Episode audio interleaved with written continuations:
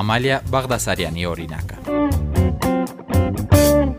Ես երբ որ դպրոցական էի, օրինակ Մարտունում մենք ֆրանսերեն լեզվի կրթության համար որևէ հարթակ չունեինք։ Իսկ ես ուղակի երազում էի սովորել ֆրանսերեն։ Իմ նպատակն է, որպեսզի Մարտունու երեխաները ոչ ֆորմալ կրթական միջավայրի համար ունենան հնարավորություն, որ սովորեն բիզնես, մենեջմենտ, ժամանակի կառավարում, սովորեն օտար լեզուներ դպրոցից դուրս, ակտիվացնենք տեղի երիտասարդությանը, ցույց տանք, որ ամեն ինչ իրենց ձեռքերում է եւ որ նույնիսկ հերավորության վրա հնարավոր է կազմակերպել ամեն ինչ։ Գեղարքունիքի մարզի Մարտունի քաղաքից 21-ամյա Ամալիա Բաղդասարյանը ֆրանսերենի եւ անգլերենի մասնագետ է, սովորել է Երևանի պետական համալսարանում, օնլայն հարթակում օտար լեզուներ է դասավանդում, ցանկանում է ստեղծել մի միջավայր, որտեղ մարզերում ապրող երեխաները կկարողանան ոչ ֆորմալ կրթական միջավայրում զարգացնել օտար լեզուների խոսակցական հմտությունները։ 2020 թվականին միացել է մարզերի երեխաները մարզերում հասարակական կազմակերպությանը, ասում է տարվա լավագույն ձեռքբերումներ, քանզի այն դարձավ ինքնակրթվելու ու կարողությունները գնահատելու հարթակ։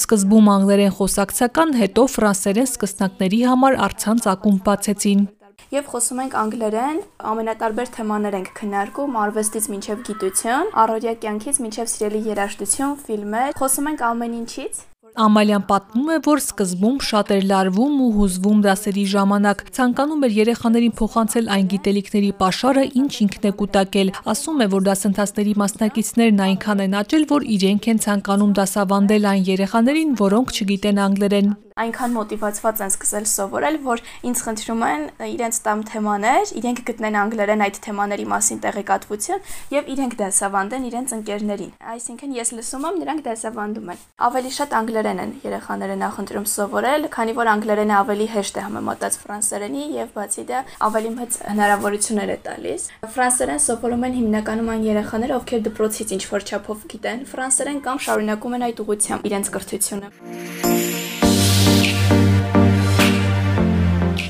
Համահայկական կամավորական միության անդամ է եղել Ամալյան։ 2017 թվականին որպես կամավոր մասնակցել է Հայաստան Սփյուռք համաժողովին, հետո ֆրանկոֆոնիայի շրջանակներում անցկացվող միջոցառումներին։ Նրա խոսքով այդ աշխատանքներն օգնել են կատարելագործել լեզվի իմացությունը, քանի որ հիմնական շփումը լեզվակիրների հետ է եղել։ Բացի այդ, նոր կապեր ու ընկերական շրջապատ է ձեռք բերել կազմակերպչական ու թիմային աշխատանքում նոր հմտություններ։ Ամալյան պատմում է, որ սկզբում իրեն շատ էին հարցնում, թե ինչու է կամավոր աշխատանք աշխատանք կատարում, չէ որ դրա դիմաց աշխատավարձ չի ստանալու։ Ասում է, երևի չգիտեն, որ կամավորությունը գիտելիք ու փորձ է տալիս, հետո էլ աշխատանքի հնարավորություն, իսկ այդ pašարը հետագայում կարելի է վերածել գումարի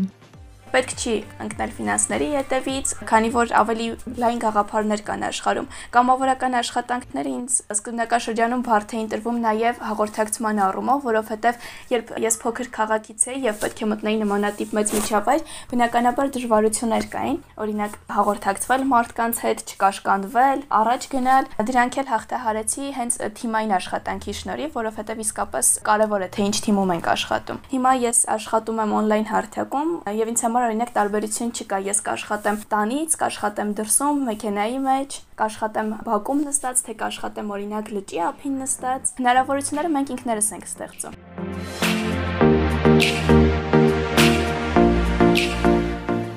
Արդեն 1 տարի է ինչ ստեղծել է Դինո լեզուների on-line դպրոցը, որի բոլոր ուսուցիչները մարզերից են։ Ցանկանում է, որ դպրոցը կամուրջ դառնա գիտելիքների ու փորձի փոխանակման համար։ Մարզեր երեխաները մարզերում էլի իրենք ինձ մոտիվացրեցին շատ եւ ես բացեցի իմ on-line լեզուների դպրոցը, որտեղ ես դասավանդում եմ անգլերեն, ֆրանսերեն, իհարկե ունենք նաեւ այլ լեզուներ՝ իսպաներեն, իտալերեն։ Բոլոր ուսուցիչները գրեթե մարզերից են մեզ մոտ Աշակերտները եւս մեծամասամբ մարզերից են, ունենք նաեւ Սփյուռքից աշակերտներ։ Դինոյի հետ էլ ենք կամավոր դասերանում, ունենք իսպաներենի այս պահին գործող, ֆրանսերենի եւ անգլերենի անվճար դասընթացներ։ Մոտավորապես երևի 80 երեխա այս պահին սովորում է տարբեր լեզուներ մեզ հետ։ Դե վճարովի դասընթացներ հիմնականում ընտրում են ավելի տարիքով մեծ մարդիկ, քան երեխաները, ու հիմնականում անհատական դասընթացներ են ընտրում, ոչ թե խմբային։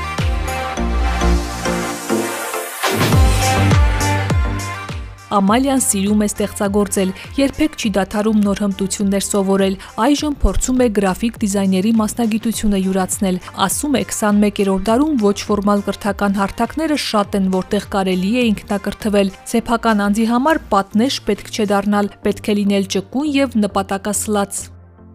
Առաջինը, որ խորհուրդ կտամ, երբեք չհանձնվեն, եթե ուզում են սովորել, բավականին շատ ոչ ֆորմալ կրթական հարթակներ կան։ Ամենակարևորը, որ նայեն շրջանակից դուրս, դպրոցից դուրս, համալսարանից դուրս փորձեն զարգացնել իրենք իրենց օրական գոնե 1-ից 2 ժամ տրամադրեն իրենց ինքնակրթությանը եւ այստեղ ես ամենակարևոր բանը, որ միշտ նշում եմ, այն է, որ երբեք իրենք իրենց չհամեմատեն ոչ մեկի հետ, որովհետեւ մենք բոլորս առանձին անհատներ ենք եւ եթե իմ ընկերոջ մոտ ստացվում է ինչ-որ բան ինձանից 1 տարի շուտ, դա չի նշանակում, որ ինձ մոտ չի ստացվի։ Ուղղակի ես գնում եմ իմ տեմպով։ Ամենակարևորը, որ իրենք հասկանան դա, փորձեն չհամեմատվել այլ մարդկանց հետ, այլ ստեղծեն իրենք իրենց ուղին։ Իսկ այդ ուղում շատ-շատ կարևոր է ինքնակրթությունը, գտնել հարթակներ, կամավորական աշխատանքներ անել, կարդալ, փորձել նոր բաներ սովորել, չսահմանափակվել նրանով, ինչ ունենք։